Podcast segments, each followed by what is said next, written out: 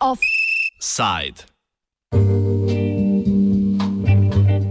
Etiopska vodna renesansa.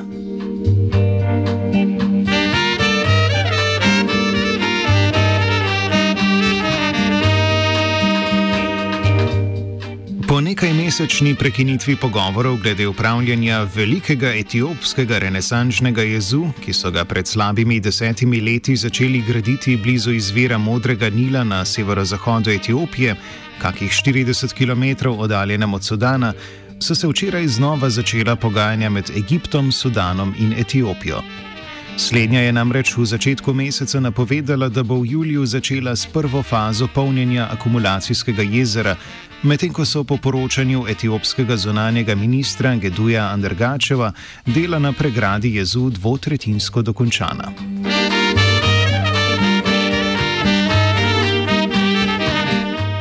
Intenzivna pogajanja te dni so nadaljevanje pogovorov, ki so bili od februarja letos povsem prekinjeni, potem ko je Etiopija zavrnila osnutek predloga ZDA in Svetovne banke za reševanje spora. Ta poleg obveze Etiopije, da po začetnem polnjenju akumulacijskega jezera prične z 80-odstotnim izkoriščanjem vodne energije, predvideva mehanizem za upravljanje jezu v sušnih obdobjih. Ta bi določal, pod kakšnimi pogoji mora Etiopija sprostiti vodne zaloge iz akumulacijskega jezera ter ukrepe za blažitev posledic sušnih obdobij v Sudanu in Egiptu. Egiptovska stran si že od začetka pogajanj pred desetimi leti prizadeva za vzpostavitev pravno zavezujočega mehanizma za reševanje sporov med državami, etiopska stran pa temu nasprotuje in pristojne v Kajru obtožuje oklepanja kolonialnih dogovorov, ki so predvidevali skupno upravljanje Nila.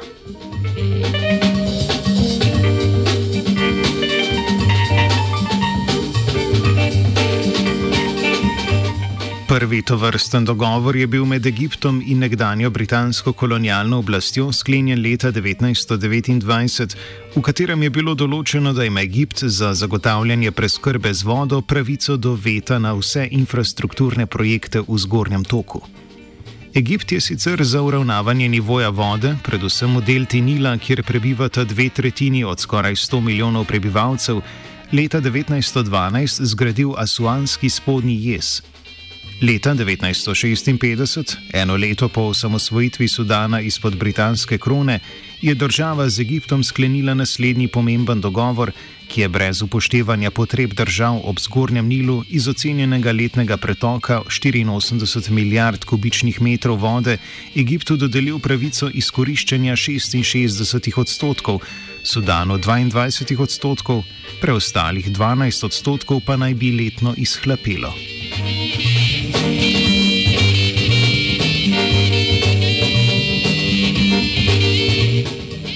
Slabih deset let kasneje je Egipt pod vodstvom predsednika Gamala Abdela Nasserja začel z izgradnjo velikega Asuanskega jezu, tedaj največjega afriškega infrastrukturnega projekta, tretjinsko financiranega iz posojil Sovjetske zveze. Ogromno akumulacijsko jezero je Egiptu omogočilo krizno upravljanje z zalogami vode v sušnih obdobjih, so pa zaradi njega velik del ozemelj izgubili pripadniki plemena Nube, Na više ležeča območja so morali prestaviti tudi številna egipčanska arheološka najdišča. Medtem s hidroenergetskimi projekti ni zaostajal niti Sudan. Večje jezove na Modrem Nilu so zgradili pri mestih Er Roseires, Berue in Senar, da bi z njimi zadostili po potrebam po električni energiji in vodnim virom v kmetijstvu. Do izteka tisočletja sta državi izpeljali še nekaj precej pomembnih energetskih in infrastrukturnih projektov za zagotavljanje preskrbe z vodo in električno energijo, ki jih bomo tokrat izpustili.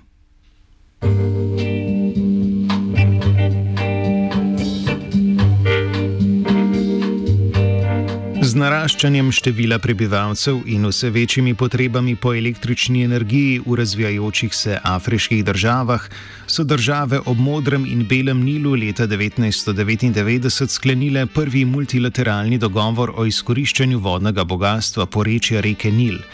Ta je bil osnova za kasnejši dogovor o skupnem delovanju na porečju reke Nil, sklenjenem leta 2010, ki ni bil nikoli ratificiran.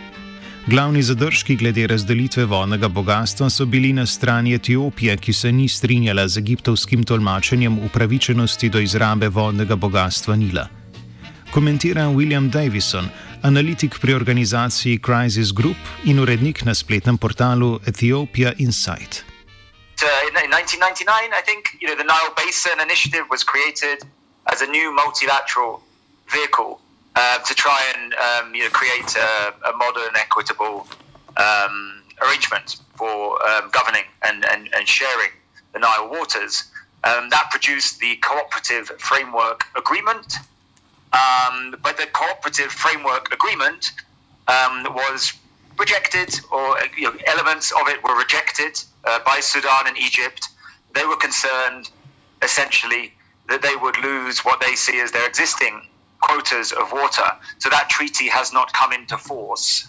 One of the motivations for Ethiopia embarking upon the Grand Ethiopian Renaissance Dam in 2010 was the failure of that multilateral treaty process. So Ethiopia sees the Renaissance Dam um, as a way to, yes, you know, power its development, uh, a symbol of its renaissance, but also an assertion of its um, what it sees as its rights to the Nile waters. Leto kasneje tako Etiopija začne projekt velikega etiopskega renesančnega jezu, ki naj bi po končani izgradnji akumuliral 10 milijonov kubičnih metrov vode in letno proizvedel 6 gigavatov električne energije. Stroške gradnje je Etiopija ocenila na 4,3 milijarde evrov, ki jih bo v celoti zagotovila iz lastnega proračuna. Polnjenje jezu naj bi trajalo od 3 do 15 let. That it was self financed was very deliberate. It was a demonstration of Ethiopia's um, ability to develop its own resources without external assistance. Mm-hmm. And it was also a statement saying that uh, one of the Ethiopian claims is that Egypt has blocked my multilateral financing for projects on uh, Ethiopia's uh, Blue Nile. Mm-hmm. So Ethiopia was saying, well, if we cannot access international financing, we will do it ourselves. Mm-hmm. And also, Ethiopia was saying, we are now a developed enough country to mm-hmm. be able to build a gigantic infrastructure project mm-hmm. without relying on foreign assistance.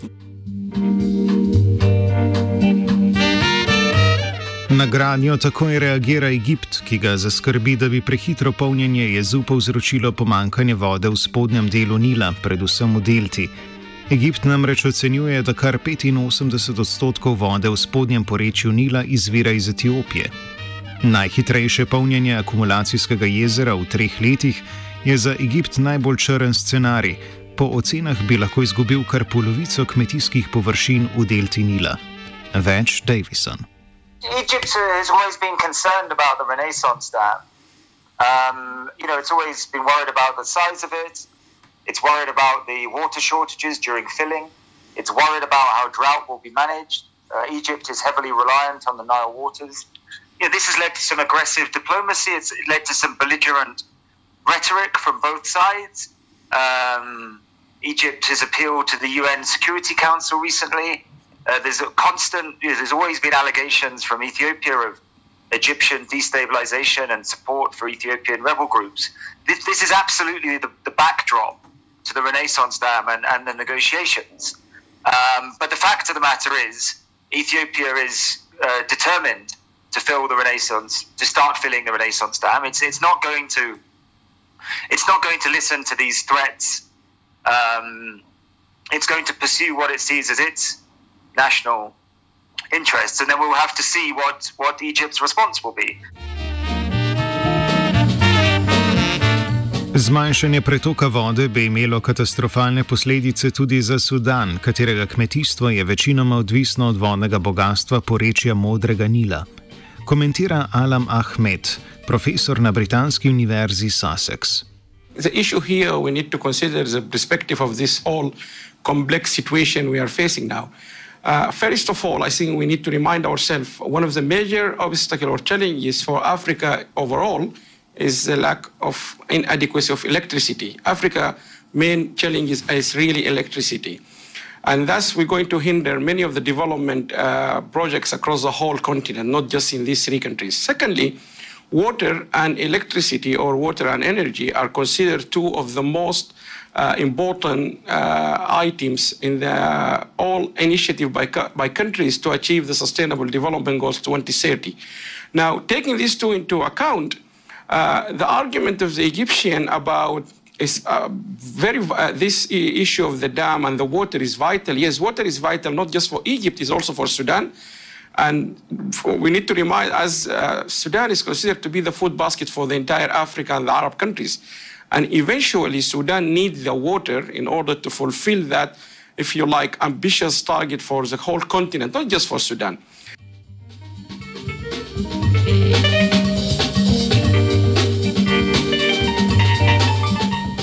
Ker Egiptu v uradnih pogajanjih kot medijator med sprtima stranema nastopa Sudan, ne uspe doseči ustreznega dogovora z Etiopijo, se posluži izven zakonskih postopkov. Z orožjem podpira uporniške skupine v Eritreji in Sudanu. Leta 2018 nepojasneno umre glavni inženir projekta Simenju Bekele. Oktobra lani Egipt k medijiranju projekta povabi ZDA. Komentira Davison. The US involvement in the project is um, minimal until uh, you know October last year, when Egypt invited the US to mediate, uh, sorry, to observe the talks. Um, there was then a series of negotiations over the course of the next four months. A draft agreement was produced. But Ethiopia rejected that draft agreement. Uh, they said that the proposals for how much water it has to release from storage to mitigate downstream drought. Ethiopia said that was an effort to secure Egypt's claimed quotas, existing quotas to the Nile waters. Mm-hmm. And so Ethiopia rejected that. And Ethiopia also said that the US favored Egypt um, in the negotiations. And then we saw uh, just after that failure of the negotiations, when Ethiopia rejected the draft agreement, we saw the the the, the, the, the Treasury, the U.S. Treasury, um, support the Egyptian position that Ethiopia should not start filling the Renaissance mm-hmm. Dam mm-hmm. without an agreement. Mm-hmm. Um, we are now back in negotiations, trilateral negotiations. Um, I believe the parties are still some way apart on some of the key issues but we will see. Um, but the atmosphere does not seem seem great, and, and the discussions, um, you know, on the on the, the most difficult issues, which are drought mitigation mm-hmm. and dispute resolution, um, the parties still seem to be some way apart, and those talks are being observed by the U.S. Treasury, by the European Union, and by South Africa.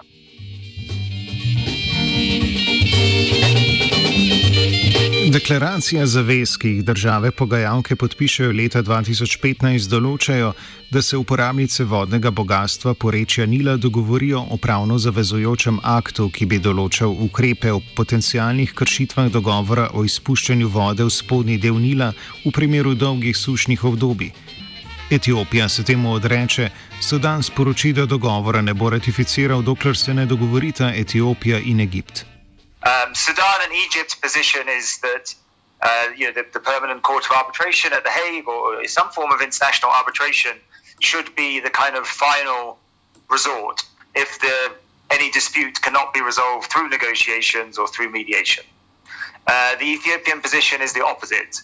Uh, Ethiopia rejects binding international arbitration um, as a way of resolving any disputes over the future GERD agreement. Mm-hmm. Uh, Ethiopia believes that it will be the subject of complaints, um, therefore, it could face all sorts of um, claims and, and, having to explain itself to arbitrators. Uh, so, Ethiopia does not want that. It mm-hmm. also makes the same argument um, related to dispute resolution that a process of international binding arbitration is only appropriate um, if they were negotiating a multilateral treaty governing water usage across the Nile Basin.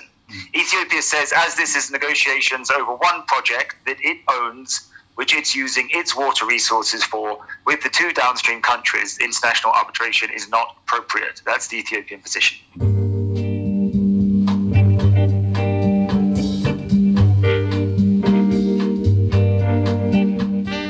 Pogajanja se bodo še nadaljevala. Davison ocenjuje, da bo Etiopija s polnjenjem akumulacijskega jezera najverjetneje res začela v juliju. Kakšne ekonomske in ekološke posledice bo to imelo za druge države?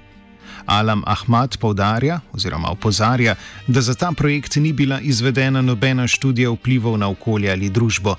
Prav tako ob tako visokih stroških investicije ni za pričakovati, da bo mednarodnim opazovalcem dovoljen nadzor nad projektom, zaključuje Ahmad. This whole technical, this is as we, when we teach students at the university, we teach them project management, but we also teach them something separately. We call it mega projects or complex project. This dam is actually both of them, mega project and complex project. And this is a very serious, it's a giant project. Even European leading companies like, or in countries like the UK, uh, um, Canada, the US, they normally deal with it very sophisticatedly. It's not an easy project. So this to be given to uh, a company which is tends to be somehow another base in the military caused most of the chaos for the project. The project uh, information is lacking. We don't know any scientific paperwork. Uh, not me, many scientists, many people who have looked into this issue of the dam for the last six or seven years. You hardly find any data about the risk assessment, about the environmental impact assessment, about the economic uh, assessment socio-economic impact, community, uh, the impact on, on people.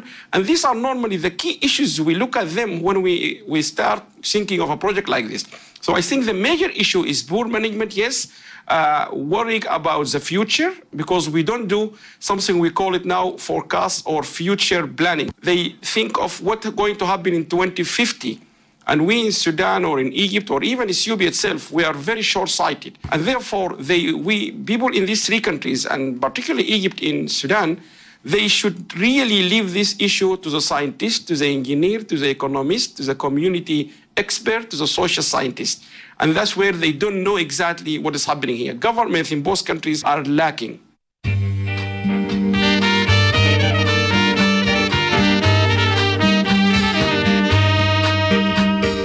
Offside je pripravil Dugi.